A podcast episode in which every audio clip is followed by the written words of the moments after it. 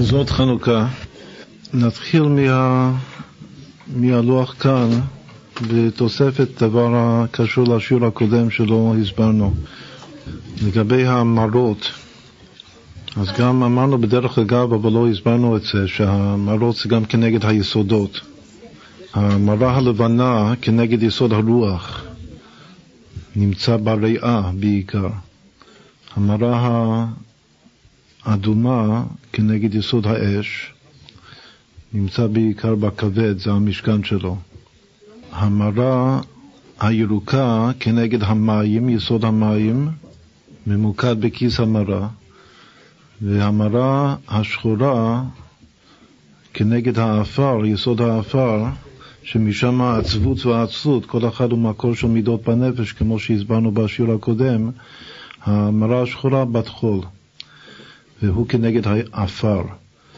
אז כאן אנחנו רואים, זו הנקודה שלא שמנו לב בשיעור הקודם, אבל מאוד מן הראוי לשים לב, שכאן סדר היסודות מלמעלה למטה הוא לא, הוא לא כמו סדר הרגיל, בדרך כלל הסדר הוא אש, רוח, מים, עפר. זה ברור שיש שני יסודות יותר רוחניים, האש והרוח, ויש שני יסודות יותר גשמיים, המים והעפר. כתוב שהמלאכים שהם אה, רוחניות, כתוב פסוק עושה מלאכיו רוחות, משרתיו אש לוהט. מכאן לומדים חז"ל שהמלאכים יש בגוף הרוחני שלהם הרכב רק של שני יסודות בלבד, האש והרוח, אין להם מים ועפר. כדי ליצור מציאות של גשם, אז גשם כמו שמו גשם מלשון מים, אז צריך גם את המרכיבים של מים ועפר כדי שתהיה גשמיות, כל שכן חומריות. אבל אם יש רק רוח ו... ואש, אז המציאות הנוצרת היא מציאות רוחנית. עושה מלאכיו רוחות, משרתיו אש לוהט, רק מרוח ואש. עכשיו, בדרך כלל, וככה זה בטבע, האש יותר, עוד יותר רוחנית מאשר הרוח, היות שהרוח מרחפת, רוח מרחפת על פני המים, אבל האש עולה והאש רוצה לכלות לגמרי, להגיע ליסוד האש, שלפי הדימוי, הציור הקבלי הוא מתחת לגלגל הירח, גם זה הציור של החוקרים הראשונים כמו הרמב"ם, שהוא יותר גבוה מכל הרמות של האטמוספירה, הרוח, ושם לכלות, אותו אש יסודי, אנחנו נדבר עליו בהמשך בעזרת השם, אז הוא העליון מבין היסודות, אחר כך הרוח, אחר כך המים, אחר כך האפר. אז בדרך כלל זה הסדר של היסודות, אש, רוח, מים, עפר, ארמה, הסימן. אבל כאן אנחנו רואים שהסדר הוא הופך את שני היסודות העליונים, שיש כאן רוח למעלה מאש. את קודם רוח, הלבן, המרה הלבנה, ואחר כך אש, המרה האדומה. ורק אחר כך מים, המרה הירוקה, ולבסוף עפר, המרה השחורה. עכשיו, הסדר הזה הוא כתוב בפירוש בספר התניא ובכל ספרי חסידות חב"ד דווקא, שלגבי היסודות המורכבים של דת סכם, יש, המושג פשוט לעומת מורכב הוא מושג יחסי. גם היסודות בטבע, המים, אז הרמב"ם בעצמו כותב שאם כי שנדמה שמים הם פשוטים, מציאות פשוטה, אבל באמת יש שם הרכב. של יסודות עוד יותר ראשוניים, כמו שהיום יודעים שמים הוא הרכב של מימן וחמצן. בכל אופן, בטבע הוא מתקבל כמציאות פשוטה. לעומת דומם, צומח, חי, מדבר, הערמה, האש, רוח, מים, עפר נקראו פשוטים, והדומם, צומח, חי, מדבר, סוגי החי החל מלמטה מהדומם שהוא לא חי, inanimate, ואחר כך שלוש בחינות של animate, אז אלו נקראו בדרך כלל בלשון החסידות המורכבים לעומת הפשוטים אש, רוח, מים, עפר. עכשיו כותב האדמו"ר הזקן בפשיטות, ובכל חסידות חב"ד הדבר מופיע הרבה פעמים שבדצחם הרוח ממללה היא כנגד המדבר, והאש כנגד החי, המים כנגד הצומח, והעפר כנגד הדומם. כלומר שקורה איזה מין החליף ודוכתא או התהפכות במוחין, בין, במקום החוכמה והבינה, את המידות והמלכות זה נשאר אותו הדבר. את האפר, יסוד האפר, וגם היסוד המורכב שמקביל לאפר, שהוא הדומם, את סוג הדומם בטבע, שניהם עפר. אותו דבר המים הוא מקביל לצמח, לצומח, בסוגי החי שיש בטבע. היות שמים מצמיחים, זה הביטוי, המים מצמיחים, המים כנגד הצומח.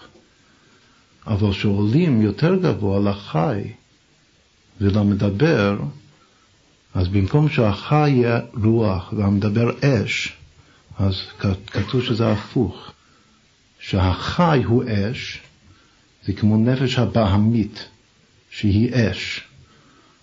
לגבי הנשמות, הסברנו בשיעור הקודם שיש נשמות בעולם האצילות שבמצב של ביטול במציאות לגמרי. את אחד כמו צדיק אמת, צדיק אמור שלא מרגיש את האגו שלו בכלל, אין לו אגו.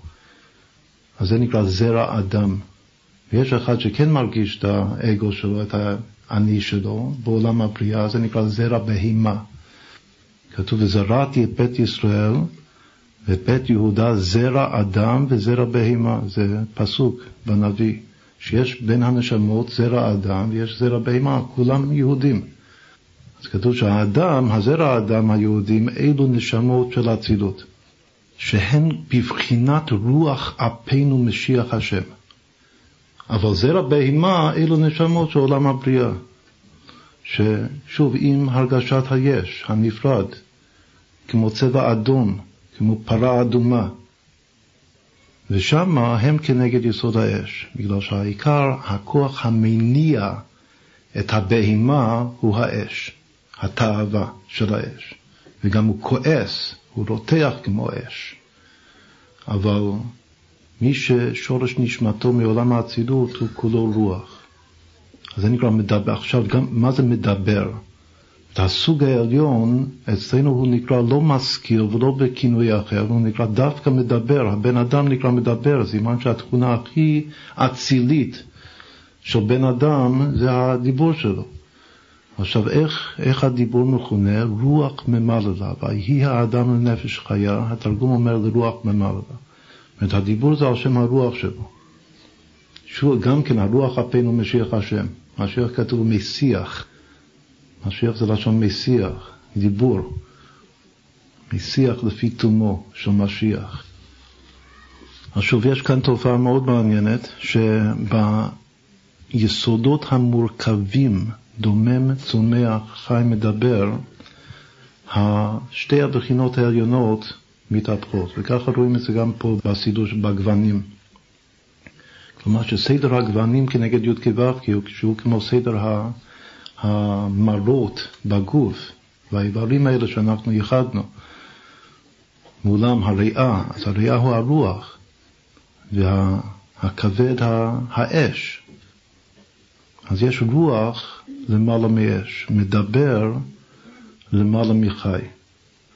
אז זו תופעה חשובה שרציתי שנשים לב אליה, שכאן הרוח הלבן, עכשיו אנחנו אולי נקשר את זה עם עוד דבר מאוד מאוד יסודי. בספר יצירה כתוב, כבר אה, ציטטנו את זה בשיעורים הקודמים, שיש ג' אימות. מבין הכ"ב אותיות, הקבוצה הראשונה של אותיות נקראת ג' אימות, שלוש אימות אמש. מה זה אמש? אוויר, מים, אש. עכשיו זה ברור ש... שאש זה צבע אדום. מים זה ירקרק או מה שתכף נראה לפי הקבלה מה זה צבע המים. אבל אוויר הוא לבן, לובן עליון, כלומר שקוף. עכשיו, לפי הקבלה, האוויר הוא בכתר, האמש, מה זה סדר של אמש? אמש זה כמו סגולתא. האוויר הוא למעלה באמצע, המים למטה בצד ימין, והאש בצד שמאל. וסדר ההשתלשלות זה מאוויר, לפי ספר יצירה, הכל מתחיל מאוויר, אבל אחר כך זה לא כמו כאן, כאן זה, על פי הפשט, הרוחניים הם האוויר והרוח, לא המים, המים הוא כבר גשם, גשמיות. אבל כאן, לפי התפיסה של ספר יצירה, יש שורש של מים לפני האש. ובלשון ספר יצירה, יש קודם שתי בחינות של רוח. המדרגה העליונה של רוח זה נקרא רוח אלוקים חיים. אחר כך ההתהוות הראשונה נקראת רוח מרוח. זאת רוח סתם מהרוח האלוקי, הרוח אפינו משיח השם, הרוח אלוקים חיים. רוח הקודש. הרוח העליון זה רוח הקודש. ואחר כך יש סתם רוח שמשתלשל מרוח הקודש. אחר כך כתוב שתיים, מים מרוח. אחרי שרוח נאצל מרוח, שלפי מה שלמדנו בשיעור הקודם זה יכול להיות לבן כמו בדולח ואינו כעין הבדולח מהטל השקוף. כלומר שיש שתי בחינות. בקבלה מסבירים ששתי הבחינות של רוח זה כנגד עתיק ואריך, שתי, שני פרצופים של הכתר. יש רוח אלוקים חיים ואחר כך יש עוד רוח, סתם. רוח זה גם כן כוח מניע. רוח זה מוטיבציה, זה כמו רצון, רוח זה רצון. אחר כך כתוב מים מרוח. מים מרוח זה חוכמה מכתר. החוכמה מאין תימצא. אחר כך כתוב אש ממים. זה הסדר. בספר יצירה אין עפר בכלל. יש רק ג' אימות, רק מה שהיסוד העליון הרוח מתחלק לשתיים. יש רוח אלוקים חיים ורוח מרוח. ואחר כך מים מרוח ואחר כך אש ממים. אז האש האדום זה משתלב כאן טוב, הוא במקום הבינה. הרוח אנחנו שמנו כאן במקום החוכמה, אבל בספר יצירה מעלים אותו עוד יותר גבוה, שהרוח זה בכתר. בחוכמה יש מים, ובבינה יש אש, וזה נקרא ג' יסודות, או ג' אימות אמש. טוב, אז זה עוד אה, דבר כדי להבין את המערכת הזו קצת יותר טובה. המערכת הראשונה, שיש לבן, אדום, צהוב או ירוק, ובסוף שחור. לפני שמגיעים לצבעים נטו, שהם עוברים לצבעים נטו בלי הלבן והשחור, אז זה, גם כן זה משתנה. זאת כל פעם יש שינויים, הכל לפי יחס, זה נקרא לפי ערכים. אז כשמגיעים לצבעים נטו, זה נעשה כחול או תכלת, ירוק, צהוב, אדום. האדום יורד. למטה, מבינה למלכות. עכשיו אנחנו נמשיך כאן. ההסברים מספר ספר הפרדס של הרמק, של הגוונים כנגד הספירות וכנגד כוחות הנפש. אז לאחר הכתר באה החוכמה, החוכמה מאין תימצא. דבר ראשון, כותב הרמק, הוא מביא בשם מקובלים ראשונים לפניו. והמקובלים הראשונים הם לא תמיד ברי סמכה, או שהוא מקבל את דעתם, או שהוא שולל, מבטל את דעתם. אז יש הרבה מקומות שהוא מצטט מקובלים ראשונים ומבטל את דעתם. אז כאן יש דוגמה, דוגמה ראשונה. הוא אומר שהמקובלים הראשונים סברו שחוכמה אדומה, ואני לא מקבל את זה. בכל אופן, אנחנו כתבנו כאן, כתבנו כאן אדום למטה, פה כתבנו שלושה גוונים בחוכמה. גוון ספירי, אז כך הוא קורא לזה, גוון ספירי שהוא מקבל את כל הגוונים, או בתור גוון מסוים גוון התכלת, או דעת המקובלים הראשונים, אדום. אז האדום הוא לא מקבל. הספירי והתכלת כן, זה בסדר, בשביל חוכמה, זה מתאים, זה תואם את התפיסה של הרמק לגבי מהות ספירת החוכמה. אבל האדום, מה פתאום? האדום זה דין, זה שמאל. חוכמה זה ראשית קו ימין. מי שמכיר את המבנה של הספירות, החוכמה הוא בימין, הוא ראשית הגילוי. מה ראשית הגילוי זה, זה אדום? הדבר, הצבע הראשון שמופיע. אז המקובלים הראשונים אמרו שהראשון שמופיע, שזה חוכמה דווקא, אז זה האדום. הוא אומר, לא, אם, אם כבר צבע תכלת, אז מה באמת המחלוקת לפי המדע?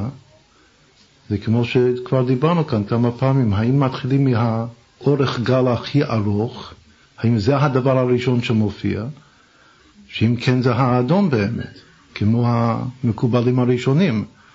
או שמתחילים מאורך גל הכי קצר, שזה התכלת, הסגול. עכשיו, על הסגול הוא באמת כותב בפירוש. הוא אומר, למה להתחיל מסגול? למה להתחיל מתכלת? זאת מה ההסבר שחוכמה, שצבע החוכמה זה תכלת? אז הוא אומר, בגלל שזה ראשית הפתיחה, פתיחת השחרות, זה הביטוי שלו. הדבר הראשון שיוצא מן השחור הוא התכלת. כמו שגם אמרנו כמה פעמים שהתכלת זה נמצא בתוך הבת עין, בתוך השחור, כאילו פותח את השחור. מהתכלת באים אחר כך לעוד גוונים. אבל הפתיחה של השחור, מה זה שחור כאן? שחור עכשיו זה העלם בכללות, כמו הפירוש השני של שחור שדיברנו בשיעור הקודם. הדבר הבלתי מושג, החושך. כמו שהסברנו שחושך סתם זה כתר. אז הדבר, הצבע הראשון שמופיע מתוך החושך הוא תכלת. זה גם כן, זה מסביר לנו מה זה תפיסת התכלת. ראשית הגילוי, שוב, הביטוי בחסידות תמיד ראשית הגילוי. כאן הוא קורא לזה פתיחת השחרות. עכשיו, זה שכל הגוונים יוצאים מהשחור, לפי איזו שיטה? שיטת המדע או שיטת האומנות? השיטה של additive colors או של subtractive colors. זה שהכל יוצא מהשחור, זו שיטת האור. הכל יוצא מהשחור והולך אל הלבן. מה הכוונה שהולך אל הלבן? שאם אני לוקח את כל הצבעים, לפי המדע, לבן הוא צבע, שחור לא. לפי האור, שחור הוא חוסר צבע. יש מחלוקת גם בחסידות, גם אצל החוקרים הראשונים מובא בחסידות באריכות, האם חושך מציאות ממש או רק היעדר האור. אז נראה שלפי האומנות, חושך זה ממש. לפי המדע שאמרנו, חושך הוא רק היעדר האור. עכשיו, אם חושך הוא היעדר האור בלבד, אז כל הצבעי יסוד שהם הירוק והאדום והכחול, שהם מתערבבים ביחד, מה כולם ביחד? מה נותן כולם ביחד? לבן. עוד פעם, לפי השיטה של המדע האור, הכל יוצא מהחושך, מהשחור, והולך אל הלבן. מה יוצא מזה? שהלבן הוא צבע והשחור הוא לא צבע. לפי האומנות, שזה סובטרקטיב, זה בדיוק הפוך. לפי האומנות, לפי פיגמנטים, אי אפשר להרכיב לבן. כמה שתיתן יותר צבעים, תתקרב לשחור. עוד פעם, לפי האומנות, אני מרכיב עוד ועוד ועוד צבע, ככל שאני מרכיב יותר, אז אני, אז אני משחיר יותר. כלומר שהתכלית, הסוף, הוא שחור.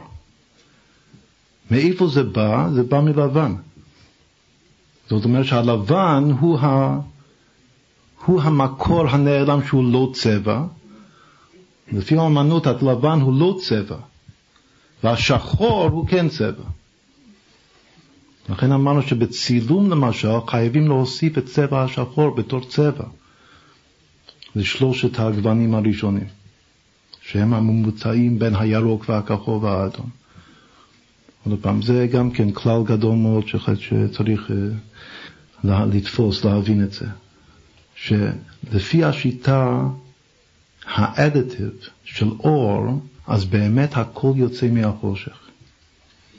והכל הולך אל הלבן. והלבן הוא צבע והשחור הוא לא צבע. אז מה זה שחור? זה כמו שהשיטה בפילוסופיה הקדומה, כמו שמובא בחסידות, ששחור הוא היעדר האור. אבל לפי התפיסה של האמנות זה הפוך. וגם של הצילום, שזה ספרקטיב, הכל יוצא מהלבן, אי אפשר להרכיב לבן, והכל הולך אל השחור. כמה שיותר תוסיף צבעים, אתה משחיר יותר ויותר.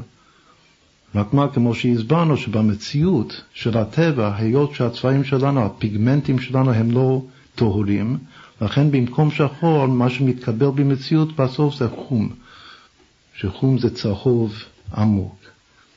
הצבע של הארץ, שלפי שיטה אחת שאנחנו עוד לא הסברנו, זה הצבע של המלכות. היות שהמלכות היא קרקע עולם, כמו הארץ.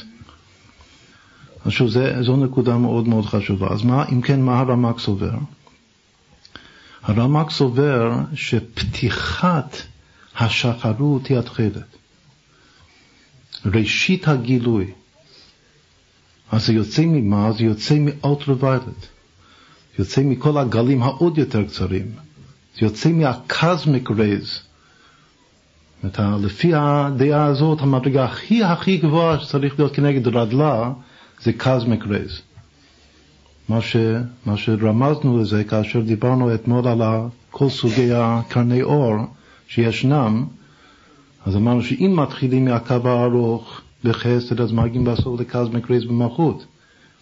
אבל אם אנחנו אומרים כאן הספרה הזאת שהתחילת זה ראשית פתיחת השחרות, המושג של הרמק, אז הכי הכי גבוה צריך להיות הגל הכי הכי קצר, שזה cosmic rays, אחר כך gamma rays, אחר כך X rays. כל שלושה אלה שהם חודרים למסתרים יהיו מכוונים כנגד הכתר.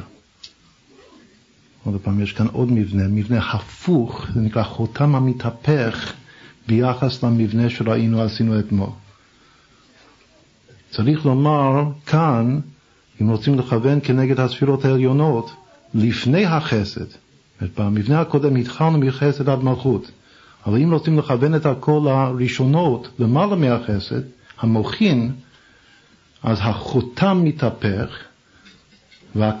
רייז הם ברדלה, והגמא רייז ברישא דעין, והאקס רייז, רנקין זה ברישא דאריך, ואחר כך אולטרווויילט זה יהיה יחסית, יהיה כמו אבא, וכל הגוונים כולם יצאו כנגד אימא, בדיוק במקום הרצוי, המתבקש.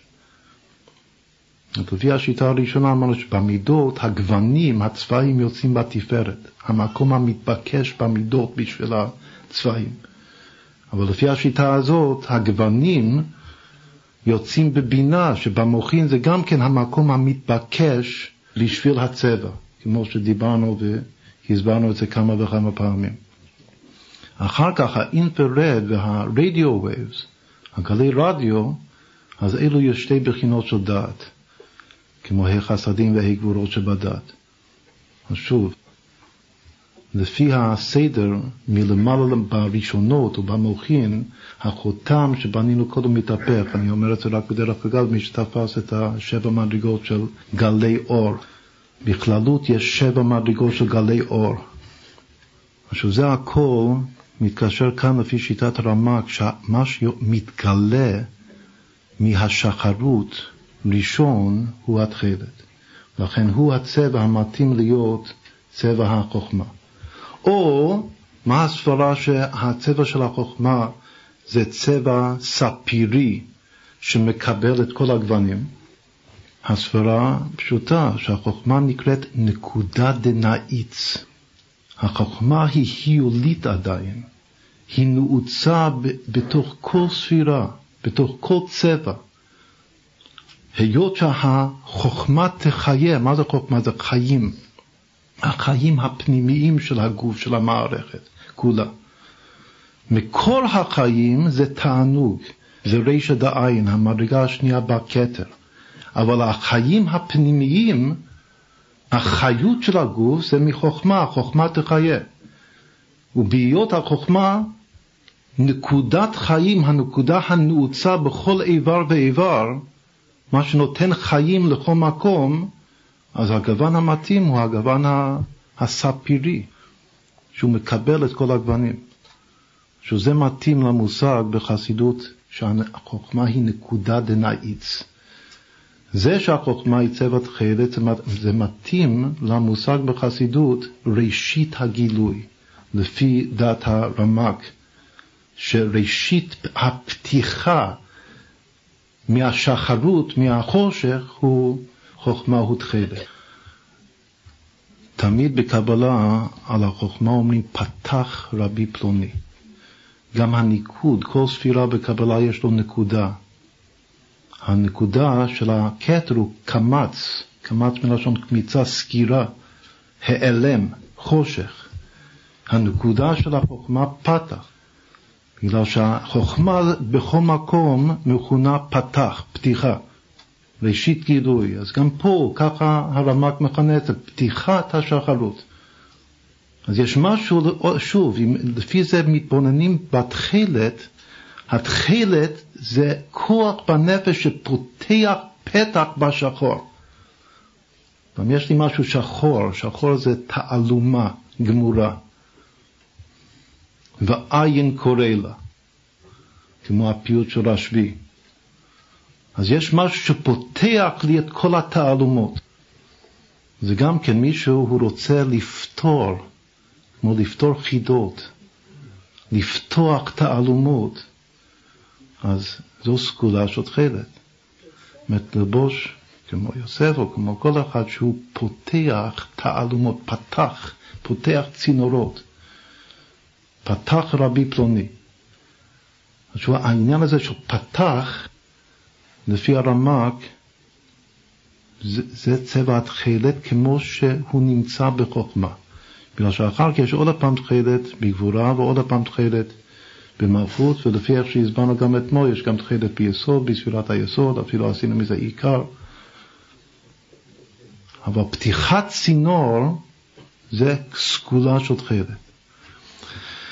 אז הסברנו אם כן את, גם את הסברה בחסידות של הגוון הספירי וגם של גוון התכלת, אבל נחזור למקובלים הראשונים אה, לא לעניין, חס ושלום לגמרי, שפתאום uh, מתבלבלים בין ימין לשמאל.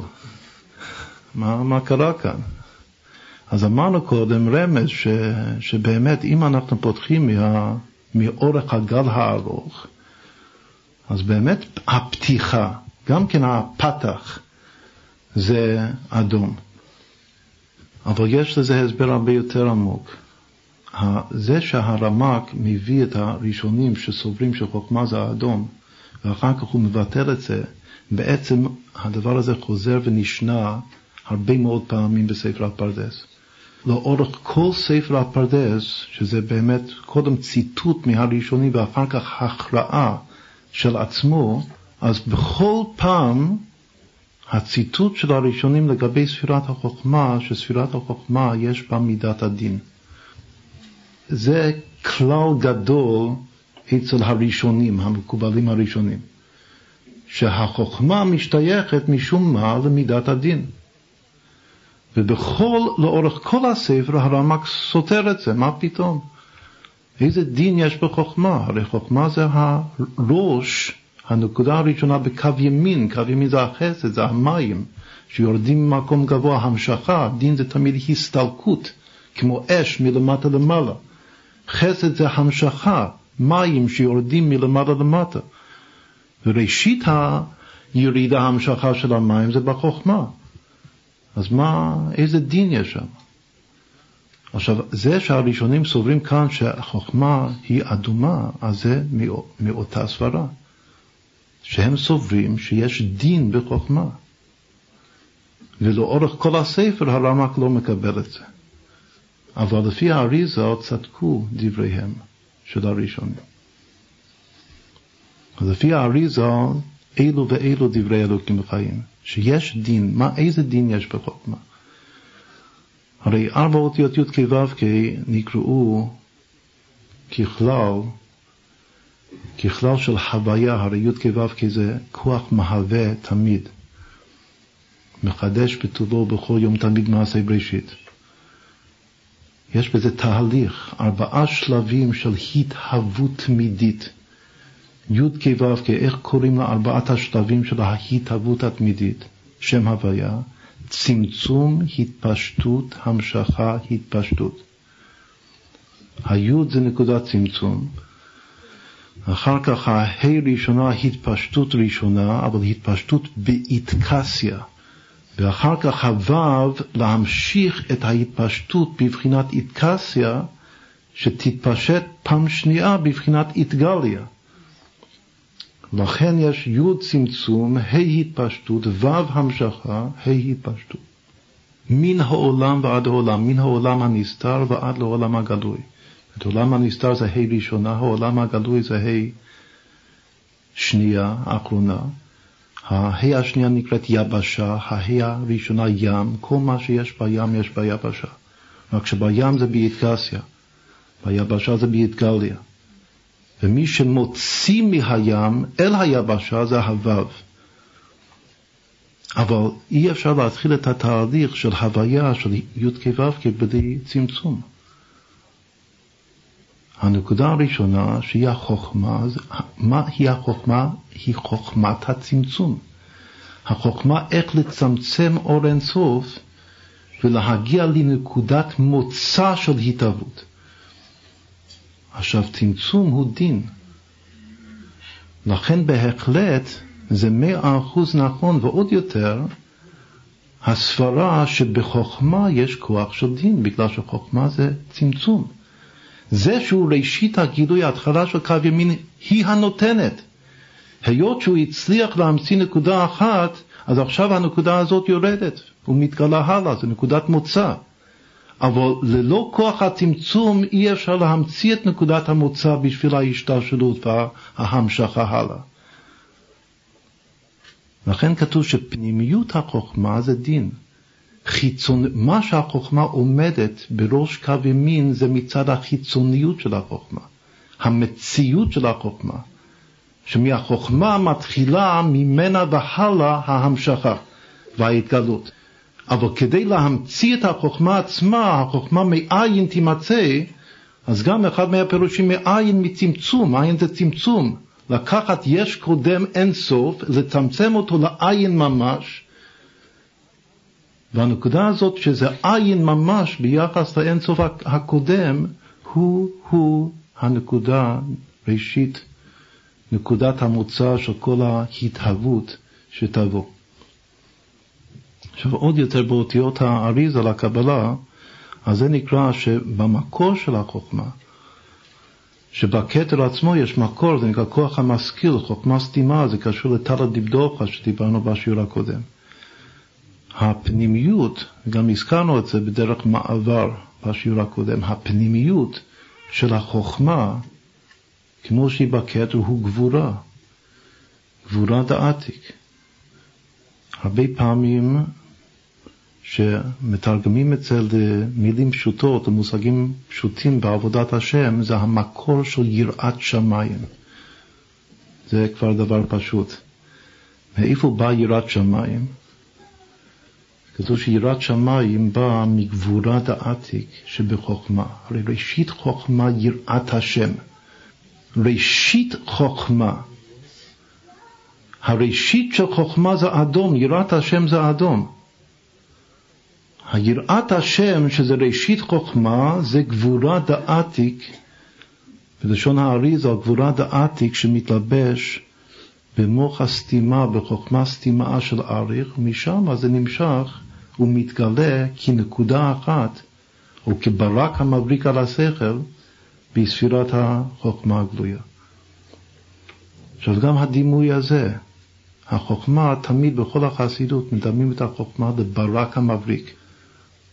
גם כן ראשית, מה זה ברק המבריק? זה ראשית ההתגלות מתוך השחרות. אותה סברה שהרמק אמר למה שהחוכמה צריכה להיות תכלת, בגלל שהוא אמר שהתכלת זה הפתיחה מתוך השחור. אבל בגשמיות הפתיחה מתוך השחור זה ברק, זה בדיוק המשל של החוכמה בכל מקום, ברק המבריק על השכל. איזה צבע זה ברק? לכאורה זה אדום, אם כי שאולי אפשר לחלוק, אולי לא רואים בדיוק את האדום בשמיים שיש ברק, אולי רואים לבן חזק, אולי מישהו רואה תכלת שם, יכול להיות שהברק גם כן הוא איזה מין גוון ספירי, שהוא מקבל את כל הגוונים. אבל ודאי שבתוך, כשאני אומר את המילה ברק, אז אנחנו חושבים על אדום יותר מאשר על תכלת. למה? בגלל שברק זה חיצי אש. עוד פעם, ברק זה כמו אש בשמיים. אז איך שלא יהיה, אפילו נאמר שהאש הוא כחול, זה כמו שדיברנו על תכלת, תכלת הוא דם, דם של חילזון. אז כמה שהוא לא יהיה כחול הוא דם, הוא אדום. אותו דבר ברק, איזה צבע שהברק לא יהיה, הוא אש, ואש זה האדום. כמו התכלת. אז עוד פעם, בפנימיות יש אדום בחוכמה. ואם כן צדקו דברי הראשונים, שזיהו בספירת החוכמה את הצבע האדום. אבל איזה אדום זה? זה אדום של ברק. אז אם כן, שוב, כוח של צמצום זה כוח של דין. לצמצם זה דין, זה כוח של אדום. הדין סתם זה אדום. אז נאמר ככה, שמה לסיכום, ספירת החוכמה. גם הכוח המצמצם שיש בחוכמה, וגם הפנימיות של כוח המבריק שיש בחוכמה, יש בו מעין אדום. זה שהחוכמה היא מקור חיים במובן של חיים פנימיים, או בלשון הזוהר והקבלה נקודה דנאיץ בכל ספירה, אז הוא צריך להיות גוון ספירי שמקבל את כל הגוונים. זה שיש פה גוון שיוצא ראשית היציאה מן החושך, כמו איילת השחר, יש עוד תופעה לשונית שעוד לא הזכרנו, הקשר בין שחור לצחור, שעל פי לשון הקודש זה מתחלף לכל דבר, שין וצדיק. רק ששחור הוא שחור וצחור הוא לבן משום מה. אז גם כן הצחור יוצא מהשחור, אבל ראשית יציאת הצחור מהשחור הוא דרך התכלת. אז שוב, אם כן, ה... נאמר שהכוח, אה, יש עוד כוח כתוב בחסידות, בספירת החוכמה, זה נקרא מצרף לחוכמה, כוח הצירוף. יש הפסוק והפירוש המפורסם של הבעל שם טוב, צוהר תעשה לתיבה. מה זה צוהר תעשה לתיבה? אם עת צרה היא ליעקב, אם יש צרה, אז צריך לקחת את הצרה ולהחזיר את הצרה לחוכמה, לספירת החוכמה, ושם, היות שיש עין, יש כוח חיולי בחוכמה, אפשר לצרף את, הצ... את הצרה עצמה, את המרכיבים. כאילו החומר גלם של הצרה, אפשר להרכיב אותו בצורה אחרת ולעשות מהצרה צוהר. עכשיו, הכוח הזה לקחת מציאות ולצרף את עצם המציאות למציאות חדשה, זה גם, נאמר שזה קשור עם התכלת, עם צבע התכלת של החוכמה. ראשית היציאה מן השחרות, שחרות זה עין, כאילו הכוח להחזיר לעין ולהוציא מציאות חדשה. בסדר, אז אלו הצבעים והכוחות, גם כוחות הנפש של ספירת החוכמה. הצבעים של העיניים זה הכל בחוכמה. זאת אם רוצים לעשות פרצוף של העין ולכלול בתוך הפרצוף י"ק ו"ק, או יותר מי"ק ו"ק, עשר ספירות, אז זה פרצוף של חוכמה. לכן זה גם כן שבת. כתוב ששבת זה מוחין דאבא. כל מה שקשור לשבת זה קשור לספירת החוכמה. אז אם יש שם גוונים שונים, עד עכשיו אמרנו שהגוונים של העין זה גוונים, זה כמו כל הגוונים. אבל אם רוצים לדייק, כל צבע שאני אזהה כצבע של עין, אז העליתי את הצבע לפרצוף החוכמה. כל צבעי העין בכללות הם נמצאים בתוך החוכמה, לכן בכללות העין זה גוון ספירי שמקבל את כל הצבעים. כאילו נאמר שעצם העין כולו הוא הגוון הספירי שמקבל את כל הגוונים, שזה סוד השבת בכלל, ש"ב, ויש שם קודם ג' גוונים פלוס הבת עין השחור, אבל יותר בפרטיות, כאן המקום שהוא מזהה בתוך עין זין גוונים. הזין גוונים זה לא זין גווני הקשת, זה משהו אחר. מה הם הזין גוונים? אז הוא כותב שזה אדום, הוא מתחיל, זה גם כן מעניין, הוא מתחיל מאדום ואחר כך לבן, לפי הפסוק אם יהיו חטאיכם כשנים כאשר לגלבין. שקודם יש אדום, אבל האדום מתמתק, מתלבן, זה נקרא ליבון עוונות, וגם ליבון הלכתה. יש מושג ללבן הלכות. מי מלבן את ההלכות? גם החכם. מישהו חכם, הוא יודע ללבן. אז כל הדברים האלה, גם ליבון חטאים וגם ליבון הלכות בתורה, זה קשור עם הלבן שבעין. אז הוא מתחיל מהאדום, ואחר כך הוא אומר לבן, אחר כך הוא אומר ירוק. מה זה ירוק? צהוב. אחר כך הוא אומר קרתי. מה זה קרתי? ירוק. אחר כך הוא אומר תכלת, ושוב הוא מזהה, וכאן אנחנו לא נפרש, שכל צבע בעין זה מראה על תכונה וגם על סגולה. קודם דיברנו על כל מיני תכונות נפש שיש בעין, בצבעים של העין. עכשיו, חוץ מאשר תכונות נפש, יש סגולות, כמו שתכף נגיד לסגולה אחת, שאפשר לראות סגולות, סגולות זה דברים על-טבעיים. זה לא סתם תכונה של הנפש, זה סגולה של הנפש. אז כל מיני סגולות, כמו שאנחנו עם סגולה, אז גם אפשר לראות את הסגולות בתוך הצבעים של העין. אז יש אדום ולבן וירוק שהוא צהוב, הוא נוטה לצהוב, ואחר כך יש קרטי, שזה סגולה לתיקון כרת, כמו שהסברנו, הירוק, אחר כך יש תכלת, שקודם הוא זיהה את התכלת כעיקר הגוון של החוכמה. עכשיו שוב הוא אומר שהתכלת זה בתוך השחור, בתוך הבת עין, כמו שאמרנו את זה בשיעור הקודם. אחר כך הוא אומר שיש עוד צבע שעוד לא דיברנו על הצבע הזה, אבל זה, זו הגדרה מצוינת שנעשה בעזרת השם מעגל של כל הצבעים, אז זה קשה לזהות שמות טובים בעברית. אז כאן הוא מגדיר לנו לפי ספרת הרמק מה זה צבע המים. הוא אומר שהגוון השישי שבתוך העין זה צבע המים. שיש צבע המים בתוך העין.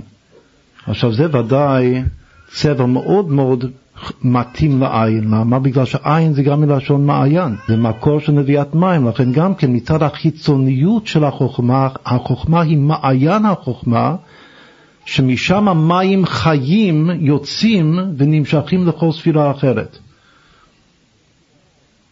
לפעמים החוכמה, כוח הצמצום של החוכמה זה אש בחוכמה, אבל זה שהמה, שהחוכמה תחיה זה מים. ומה זה הצבע של המים? אז הוא כותב כאן. הוא כותב שזה בין ירוק לקרתי, בין צהוב לירוק. זה צהוב ירוק. מה זה הצבע הזה בין צהוב לירוק? בסדר, זה איזה מין ירק רק. עכשיו שוב, כשאנחנו נעשה מעגל צבעים, יהיה לנו עכשיו שם. סתם, בדרך כלל אין שם לצבע הזה, אבל הוא נותן לזה שם, הוא אומר שזה מים. בין ירוק לקרטי. הייתי חושב, להפך, הייתי חושב משהו אחר, שמים זה בין ירוק לכחול. אבל הוא אומר לא, שמים זה לא בין ירוק לכחול, הוא אומר שמים זה בין ירוק לצהוב. עכשיו שוב, זה, ש... זה שהמים מזדר, אני חוזר, זה שהמים קשורים לספירת החוכמה, זה בגלל.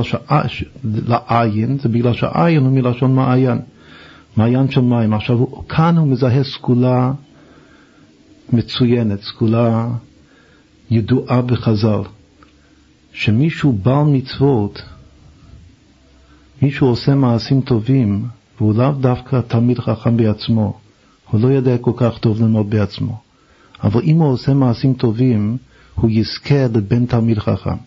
הוא כאילו יוצר גנים לדור הבא על ידי הפעולות הטובות, זה גם כן הסבר מאוד מאוד עמוק מה הקשר בין תורה ומצוות. המצוות המעשיות, המעשים הטובים של עכשיו, עושים גנים לילדים שלך שיוולדו חכמים גדולים. שחכמים זה עם חכם ונבון, זה יהודים, כל יהודי צריך להיות חכם. אבל כדי שהילדים יהיו חכמים, זה תלוי במעשים הטובים שלך. מכאן גם כן מובן למה זה הרבה הרבה קשור עם האישה. הבן החכם. בגלל שהרבה פעמים מעשים טובים זה אפילו יותר קשור לאישה מאשר לאיש. עכשיו, הוא אומר שככל שהצבע הזה, צבע המים, נמצא בתוך העין, זה משקף או מראה על, על סגולה, זה לא תכונה, זה סגולה, שייוולד לך בן תלמיד חכם, מתוך המעשים הטובים שאתה עושה, שאתה נקרא בעל מצוות. עוד פעם, אם האריזה למשל, איזה מקובל אמיתי, מסתכל על העיניים שלך, או שמישהו צריך עדיין לשידוך, והולכים להסתכל על העיניים. אז אם רוצים להסתכל בעיניים ולראות אם השידוך הזה זה באמת טוב לבנים תלמידי חכמים, אז על פי פשט, אם אתה לא חכם להסתכל בעיניים, אז פשוט uh, תבחין אם, אם הבן אדם הזה הוא בן, בן אדם טוב. זה הדבר הכי פשוט. אם הוא בן אדם טוב, עושה דברים טובים, אז יהיו לו תלמידי חכמים, ילדים. אבל אם אתה לא יכול לדעת אם הוא טוב או לא, ואתה רק יודע קבלה, אז, אז תסתכל בעיניים שלו, ואם אתה רואה שם מים, אז זה סימן טוב. צבע מים. בגלל שאם אתה רואה צבע מים בתוך העיניים שלו, הסימן שהוא בר מצוות, ויש לו סגולה שבר מצוות מוליד בן תלמיד חכם.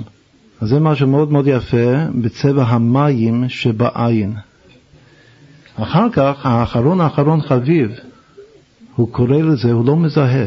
הוא אומר שיש עוד צבע שביעי בעין, והוא אומר שהצבע הזה הוא, הוא צבע קודש הקודשים. והוא לא כותב מה זה בכלל. שיש צבע שהוא קודש הקודשים, והוא נמשך מכתר עליון.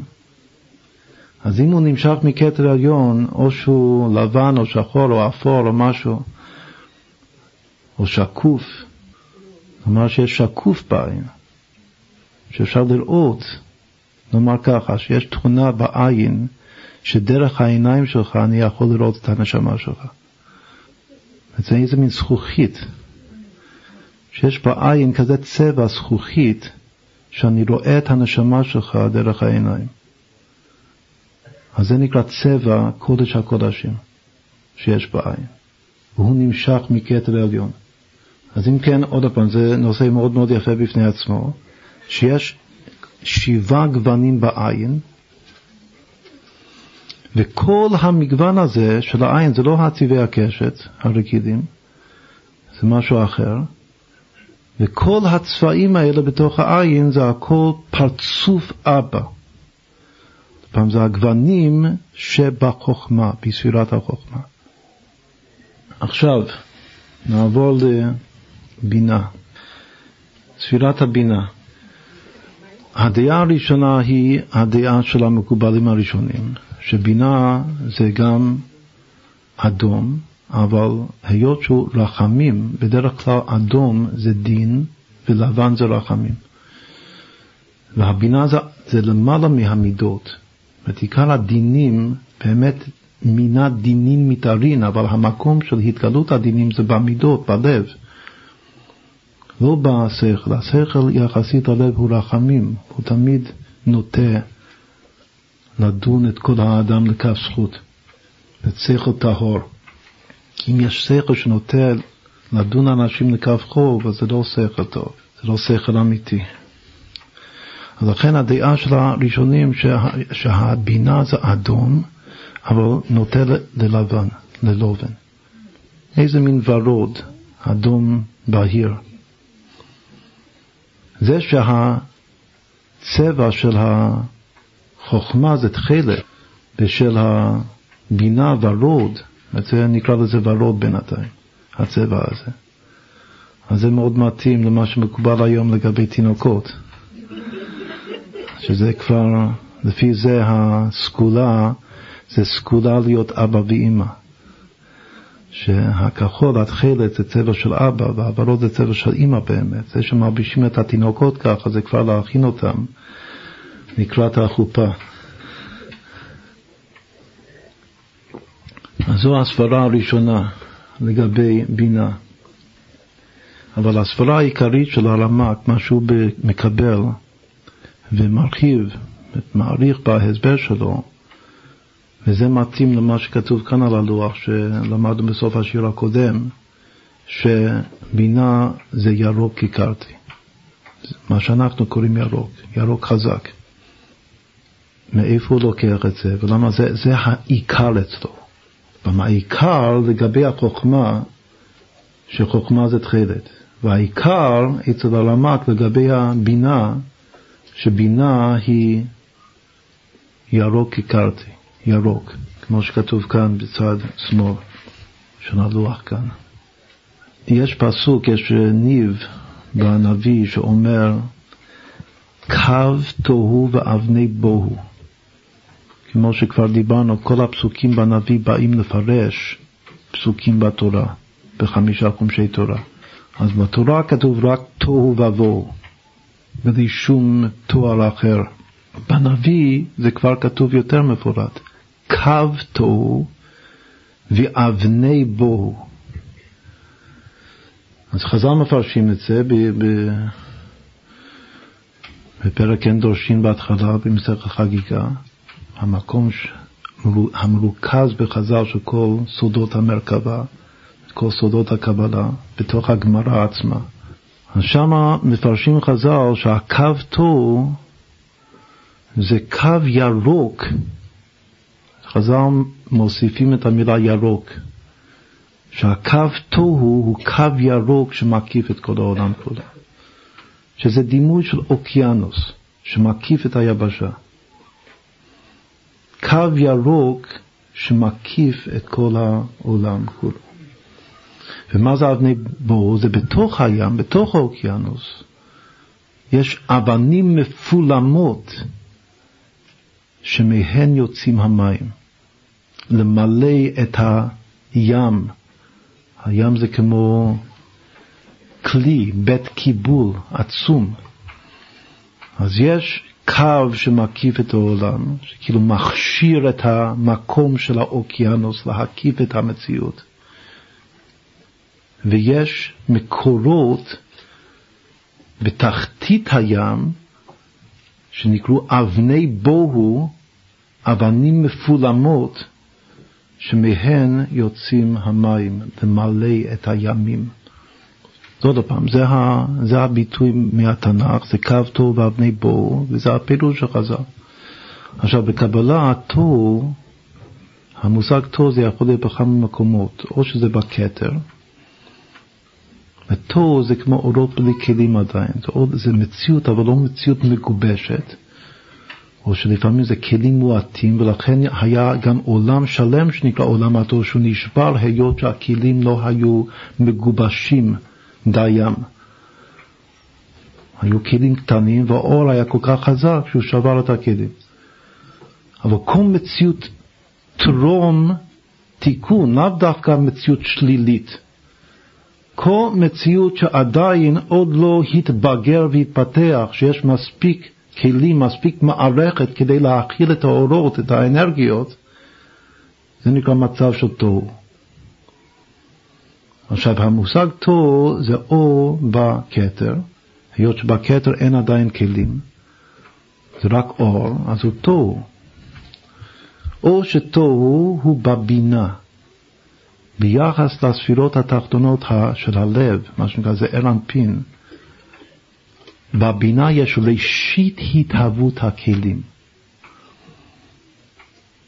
אבל זה עדיין רק בראשית, בבחינת ראשית. נקרא גרמוהי, החיות של הכלים, מה שעתיד להיות אור פנימי בתוך הכלים, הוא בא מחוכמה. ראשית התהוות הכלים בבינה, כמו שאימא מתחילה לפתח את העובר מהזרע של אבא. עוד פעם, יש מושג חיוהי וגרמוהי. חיוהי, החיים זה בא מצד אבא, וגרמוהי, שזה כלים, איברים, גוף, זה מתחיל באימא. אבל באימא זה עדיין כלים מעטים. זה רק ראשית. לכן אימא היא תוהו לגבי ההתפתחות של הכלים שמכילים את האורות, את החיות הפנימית, בפרצוף, בבן של האימא, שנקרא לזה ארנפין, שזה הפרצוף המתוקן, כמו יעקב אבינו, מתוקן. לכן גם בקבלה, מי שמכיר קצת את המונחים של הקבלה, כל עולם התוהו העולם של שם סג שכנגד אימא. אבא, אימא, בן, בת. יש לכל אחד שם קדוש בקבלה. אב, סג, מה, בן. השם סג הוא באימא, ושם יש את התוהו, את כל המציאות של תוהו, וגם של שבירה, גם הפן השלילי של התוהו, דהיינו שבירת הכלים. ואם כן, דבר פשוט בקבלה, גם את הרמ"ק, שתוהו וקו תוהו הוא אימא. ואם חז"ל אומרים שהתוהו הזה, שזה אימא, הוא קו ירוק, וגם זה שמתארים את המציאות הזאת של אימא, שזה מקיף, מקיף את כל העולם כולו, זה כמו רחם של אימא, שגם מקיף את כל המציאות של העובר שעתיד להיוולד. אז יש קו טוב שמקיף את כל המציאות, זה נקרא מקיפין דאימא. והצבע שלו הוא ירוק. עכשיו, כל הצבעים יש להם השלכות ומשמעויות גם בשפת בני אדם, גם בין כל אומות העולם. מה דאמרי אינשי. יש מושג שהמושג הזה הוא מושג אמיתי בתורה, מושג שמופיע לרוב בגמרא. מה אנשים אומרים. זה לא סתם מה שאנשים אומרים. מה שאנשים אומרים, יש לו מקור בחושים, בתחושה הכי פנימית של הנפש. הנפש, מי ברא את הנפש? השם, הבורא עולם. אז מה שאנשים אומרים, בדרך כלל מכוונים אל האמת, בין ביודעין, בין שלא ביודעין. אולי אומרים ולא יודע, לא בדיוק יודעים מה אומרים, אבל הגמרא מלאה ממד אמרי אינשי, מה שאנשים אומרים. אז זו הקדמה גם לתחום גדול מאוד, שלא יודעים אם נספיק כאן, אבל צריך לבדוק את כל הצבעים, מה אנשים, כמו שאמרנו לפני, אה, באחר השיעורים הקודמים, שבלו זה בלוז, זה מצב נפש של בלוז, זה נקרא אמרי אינשי, לגבי כחול. וככה לגבי כל צבע. אמרי אינשי, שירוק, מה זה להיות ירוק? זה להיות טירון, כן. להיות ירוק זה להיות חדש במקצוע, לא מנוסה, בלתי מנוסה. אתה מתחיל משהו חדש, אבל אתה עדיין עוד לא מנוסה בעסק. אתה ירוק. עכשיו, האי בשילוט זה בדיוק המצב של הכלים בעולם התוהו. וכל הספירות המלאכים זה ניסיונות ראשוניים להיות מלך, כמו במדינת ישראל, ניסיון ראשון למדינה היהודית, אבל זה ירוק גמור. זה שזה ירוק גמור, אז זה, זה סימן שמי יודע מה יהיה כאן, בגלל שזה ניסיון ירוק. זה נקרא עולם התוהו, שיש איזה מין אורות, אבל הכלים לא בשלים. ולא יודעים יש רצון, אולי רצון טוב, אולי לא, יש על הדעת, נאמר שנלמד זכות, שזה רצון טוב, אבל אין את הכלים המתאימים. כשזה מתחיל להתלבש בתוך המציאות, הוא לא מצליח בדיוק להתחבר בצורה נכונה. לכן יש סכנת שבירת הכלים, בגלל שהכלים לא מבוגרים, לא התבשלו. בכל אופן ירוק הוא צבע של תחילת חיים, של צמח, אבל הוא ירוק עדיין. אז אם כן, הירוק זה לתת קצת טעם למה התוהו, המצב של תוהו הוא מצב ירוק. כתוב וירק את חניכיו, שמחנכים מישהו, שזה גם כן תחילת העבודה, תחילת המקצוע, להיות חייל או להיות מנהיג, אז צריך לזיין אותו, וירק את חניכיו. אבל הוא עדיין ירוק, בתור חניך, חניך מתחיל, בלתי מנוסה, הוא ירוק במקצוע. עכשיו, בדרך כלל המתחילים האלה, הירוקים, יש להם הרבה אורות, הרבה רצון טוב לתקן את העולם, להפוך את העולם. אבל כלים מועטים, וזה מסוכן, מצב די מסוכן, מצב בלתי יציב, הירוקים.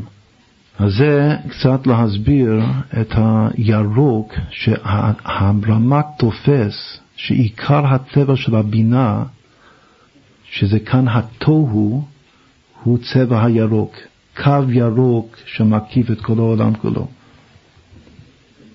עכשיו הוא אומר עוד דבר מאוד מאוד מעניין, שזה ממש אה, אה, קצת הפתיע אותי, אולי זה היה דבר שכולם ידעו את זה, את אה, מסקנה מדעית פשוטה, שהיות שאמרנו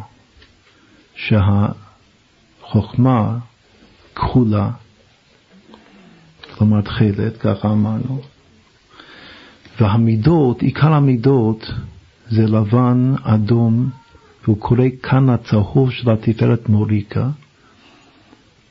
יש כמה כינויים לצהוב של התפארת, אחד מהם זה מוריקה. גם מלשון ירוק.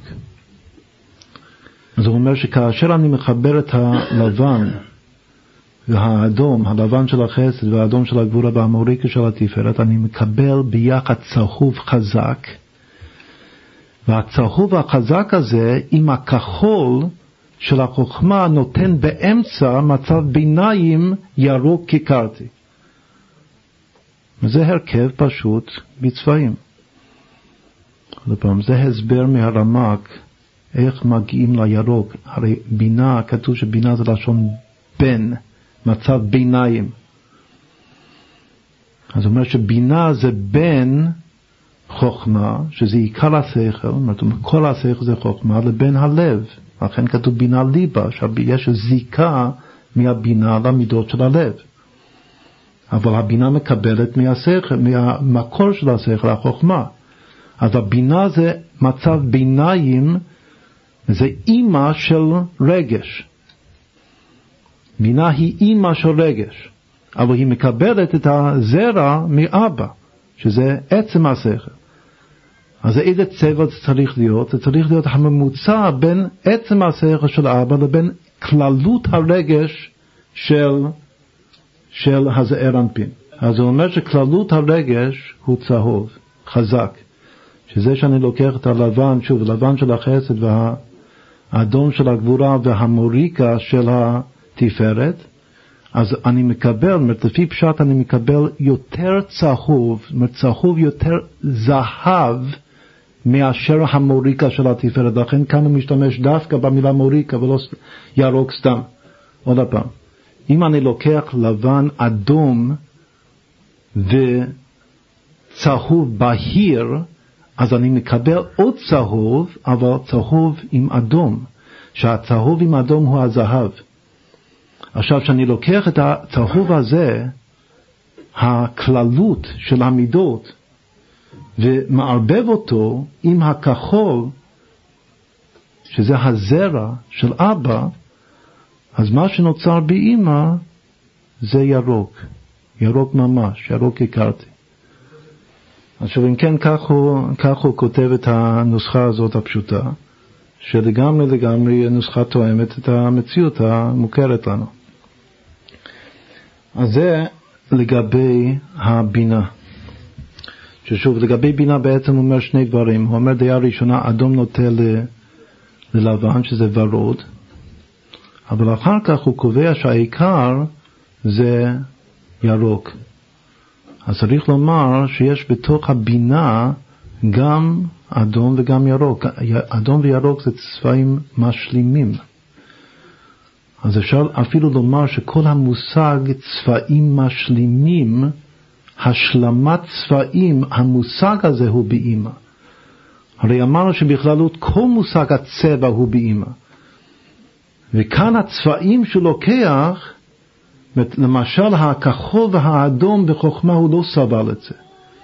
חוכמה זה משהו אחיד, או שהוא היולי שמקבל את כל הגוונים, או שהוא צבע אחיד.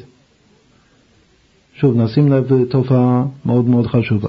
חוכמה, המושג חוכמה זה אחד, כתוב שגילוי האחד הוא רק בספירת החוכמה, משם הוא מתגלה בכל שאר הספירות. כאן בבינה הוא נוקט בשני צבעים שהם הפוכים, שמשלימים, אדום וירוק, כיכרתי, הם צבעים משלימים. שבעצם אם יש לי שני צבעים משלימים, יש לי את כל הצבעים. במוחש, בגשם. אז צריך לומר גם כן שצבעים משלימים, המושג צבעים משלימים זה מושג של אימא. איך עוד אה, נדגים את זה? יש בקבלה, אפילו הזכרנו את זה, יש טרנספורמציה זה נקרא, דרך להחליף אותיות, חילוף האותיות שנקרא אלבם, ויש אטבש. אלו שני העיקרי, השיטות העיקריות איך להחליף אותיות. או שמחלקים את האלף-בית לשני חלקים שווים, מאלף עד למ, מאלף עד כף, מלמד עד כף, ומזווגים אותם לפי אותו סדר, סדר ישר א', ל', ב', מ', זה נקרא אלבם. או שלוקחים את האות הראשונה מכאן והאות האחרונה מכאן ומזווגים אותן יחד, אז זה אטפש, א' ת' ב' ש'. אלו שתי השיטות העיקריות. אז בקבלה מובא שאלבם, השכל של אלבם הוא חוכמה, והשכל של אטבש הוא בינה. השכל של אלבם הוא אחיד, הוא אחידות, זה גם זיווג, אבל זיווג באחידות. שני חלקים, נזווג הראשון כאן עם הראשון כאן, השני כאן עם השני כאן. הפכים בעצם שמשלימים אחד את השני, זו סברה של בינה, זה שכל של בינה. השכל של אחידות, גם בזיווג, כמו שגם כן הרבה פעמים דיברנו על כך שעושים שידוך, אז יש שתי שיטות איך לעשות שידוך בין חתן וכלה. או שני אנשים דומים, גם בתכונות הנפש שלהם, שכמה שיותר דומים אחד לשני יותר טוב, או מה שמקובל בעולם שלפעמים צריך להשלים תכונות. וטיפוסים משלימים, שכל אחד יש לו מה שהשני אין לו. אז גם כן, השיטת הזיווג של כמה שיותר דומים באופי, זה, זה מצד אבא. שיטת ההשלמה באופי, מה ההשלמה אומרת? ההשלמה אומרת שכל אחד יש לו מודעות של חיסרון, של אבידה, כמו המושג שאני צריך לחפש למצוא את, ה, את האבידה שלי, ששידוך זה השבת אבידה. שאני חסר וגם כמובן שהבן או בת זוג חסר, וצריך עכשיו להשלים אחד את השני. להשלים זה מלשון להיות עכשיו שלם, אדם שלם. ויש מושג שלא, שאנחנו, יש גילוי של שלמות עצמית, אבל ביחד עם זיקה לעוד אחד, טובים השניים מן האחד. פעם יש זיווג, כמו גם כן נאמר זיווג של שני צדיקים. צדיק וצדיקה מתחתנים. זה מצד החוכמה. אבל שני בעלי תשובה מתחתנים, זה מצד הבינה. היות ש... שבינה זה תשובה.